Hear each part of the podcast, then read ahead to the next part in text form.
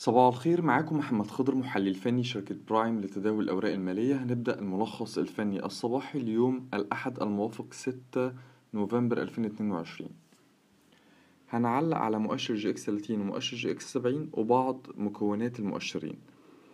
آه، بالنسبة لمؤشر EGX 30 مؤشر EGX 30 نهاية تعاملات جلسة الخميس أغلق على ارتفاع طفيف بنسبة 18 من مية في المية عند مستوى 11262 بقيم تداول متوسطة.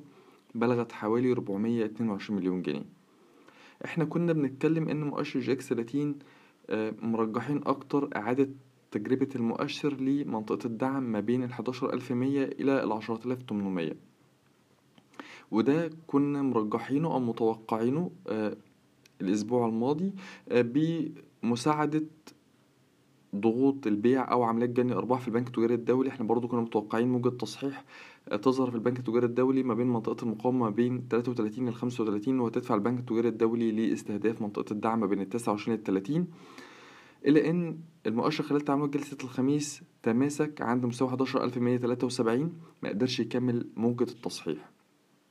وأغلق على آه، ارتفاع عند مستوى ال 11262 طيب إحنا شايفين إن آه، توقف آه، المؤشر عن موجة التصحيح المتوقعة لمستويات ال 11100 ل 10800 ده توقف مؤقت. يعني ثبات مؤشر إكس 30 تعاملات جلسة الخميس نعتقد إن ده ثبات مؤقت. ولكن من ناحية تانية آه، الثبات ده أو الاستقرار ده ممكن يدفع المؤشر أو يقود المؤشر ل إن هو يعيد تجربة منطقة المقاومة تاني ما بين ال 11400 إلى ال 11500 خصوصا إن البنك التجاري الدولي حتى الآن مكسرش منطقة الدعم الأهم ما بين الواحد وتلاتين ونص إلى الواحد وتلاتين.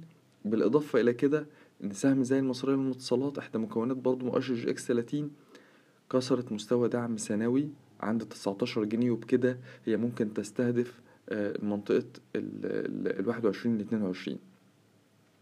فاللي إحنا عايزين نقوله إن إحنا إن التماسك ده بالنسبة لمؤشر جي إكس 30 إيجابي في إنه ممكن يدفع أو يقود المؤشر لاعادة تجربة منطقة المقاومة ما بين 11400 11500 ولكن بصفة عامة إحنا آه، ميالين إلى إن آه، في ضغوط بيع محتملة قد تدفع البنك التجاري الدولي لموجة تصحيح.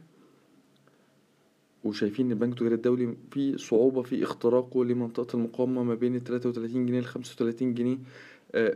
على المدى القريب مرجحين أكتر موجة تصحيح في البنك التجاري الدولي مرجحين أكتر موجة تصحيح في مؤشر إكس 30 ل 11100 ل 10800 حتى لو موجة التصحيح دي.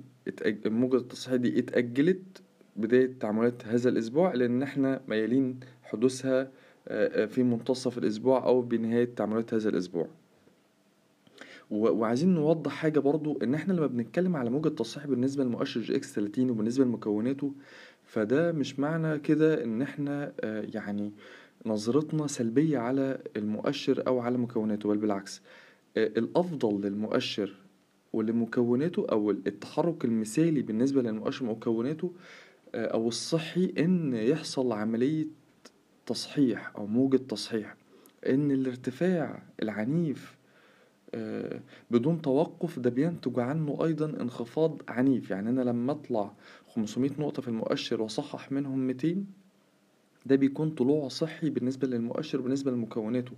ويكون أفضل من إن المؤشر يطلع من آه، يطلع ألف نقطة أو ألفين نقطة وبعدها يبتدي التصحيح. لأن التصحيح بعد بعد طفرة هينتج عنه تصحيح عنيف. فالأفضل يعني أو المثالي هو حدوث موجة التصحيح مع كل آه، آه، طلعة آه، في المؤشر حتى لو هي الطلعة دي ما كانتش بقوة في مكونات مؤشر EGX 30 أو في أغلب مكونات مؤشر EGX 30 باستثناء البنك التجاري الدولي هو اللي كان حقق فعلا طفرة سعرية خلال طلعة السوق الأخيرة. لكن من الضروري أيضا أن البنك التجاري الدولي يشهد بعض عمليات التصحيح من الضروري أيضا أو ده المثالي إن ده ده اللي يحصل آه، موجة تصحيح دي بتبقى صحية وبتساعد إن بتساعد على استقرار السوق وبتساعد إن المؤشر لما يجي يصحح آه، فيما بعد أو ينخفض فيما بعد ما يحصلش انخفاض حاد أو انخفاض عنيف نتيجة الطفرة اللي هو ممكن يطلعها. ننتقل منها على الجزء التاني آه، واللي هنتكلم فيه عن مؤشر EGX سبعين. مؤشر EGX سبعين أغلق على انخفاض فاصل ستة وخمسين من مية في المية عند مستوى ألفين ميتين وتلاتاشر هو مؤشر كسر مستوى دعمه السنوي خلال تعاملات جلسة الخميس عند ألفين ميتين تلاتة وعشرين.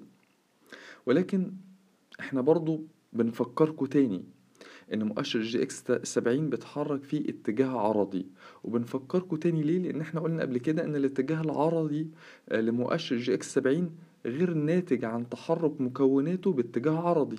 لأن مكونات مؤشر EGX سبعين بتتحرك في تباين شديد جدا فعلى سبيل المثال آه، الأسبوع الماضي كان إحدى مكونات مؤشر EGX سبعين آه، هما اتنين كان مصر الألمنيوم والصناعات المصرية الكيماوية كيما بيتحركوا قرب مستويات مقاومة قوية.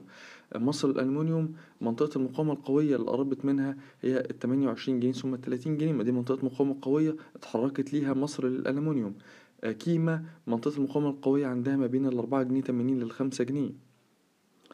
في حين إن في البعض الآخر من مكونات مؤشر EGX 70 كان بيتحرك من مناطق دعوم قوية. على سبيل المثال بلتون المالية القابضة إحدى مكونات مؤشر EGX 70 آه، كانت بتتحرك الأسبوع الماضي قرب منطقة دعم ما بين الاتنين تسعين لاتنين تمانين.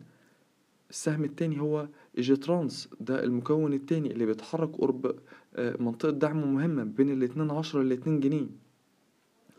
وفي بعض أو, أو, أو, أو القليل من مكونات مؤشر EGX 70 اللي كسرت مستويات دعمها الرئيسية خلال تعاملات الأسبوع الماضي. على سبيل المثال آه، المصريين الإسكان والتنمية والتعمير. ده إحدى مكونات مؤشر جاك سبعين اللي كسر مستوى دعمه الرئيسي عند الأربعة وأربعين قرش.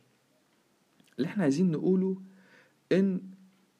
أو اللي إحنا بنفكركم بيه إن آه، يعني زي ما إحنا شايفين مصر الألمنيوم آه، في اتجاه صاعد كيما بتتحرك في اتجاه عرضي والمصر الألمنيوم وكيما الاتنين بيتحركوا آه، في اتجاه مستويات مقاومة قوية. مكونات تانية من مكونات مؤشر EGX سبعين بتتحرك أو بتعيد اختبار في نفس الفترة بتعيد اختبار مستويات دعم مهمة زي بلتون وإيجي ترانس وفي مكون تاني خالص زي آه، المصريين اسكان كسر مستوى دعم مهم وبكده هو آه، أكد على التغير باتجاهه إلى الاتجاه الهابط. فاللي إحنا عايزين نوضحه واللي إحنا عايزين نقوله بالنسبة لمؤشر EGX سبعين إن كل مكون بيتحرك في اتجاه وكل مكون أداء مختلف عن آه، آه، المكون الآخر. على سبيل المثال برضو من ضمن الأسهم المالية والصناعية أحد مكونات مؤشر EGX سبعين التراجع الأخير اللي حققته الأسبوع الماضي ده كان مجرد موجة تصحيح. يعني في بعض الأسهم حققت طفرة سعرية زي المالية والصناعية وكان تراجعها الأسبوع الماضي ده مجرد تصحيح. الأسبوع الماضي وجلسة كمان تعاملات جلسة الخميس. فاللي إحنا بنأكد عليه إن مؤشر EGX 70 هتلاقي 70 سهم. في مثلا 10 منهم بيتحركوا في اتجاه صاعد 10 منهم في اتجاه عرضي 10 في اتجاه هابط فضروري جدا إن أنا ما اهتمش قوي بمستويات الدعم والمقاومة بالنسبة للمؤشر على قدر اهتمامي بمستويات الدعم والمقاومة بالنسبة لمكونات المؤشر وإن أنا أتعامل مع كل مكون على حدة. شكرا وأسف للإطالة.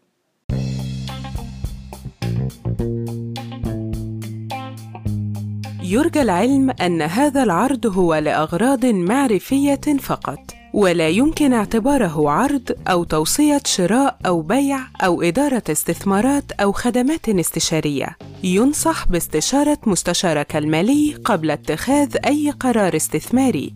الأداء التاريخي ليس مؤشرا يعتمد عليه لتحديد الأداء في المستقبل.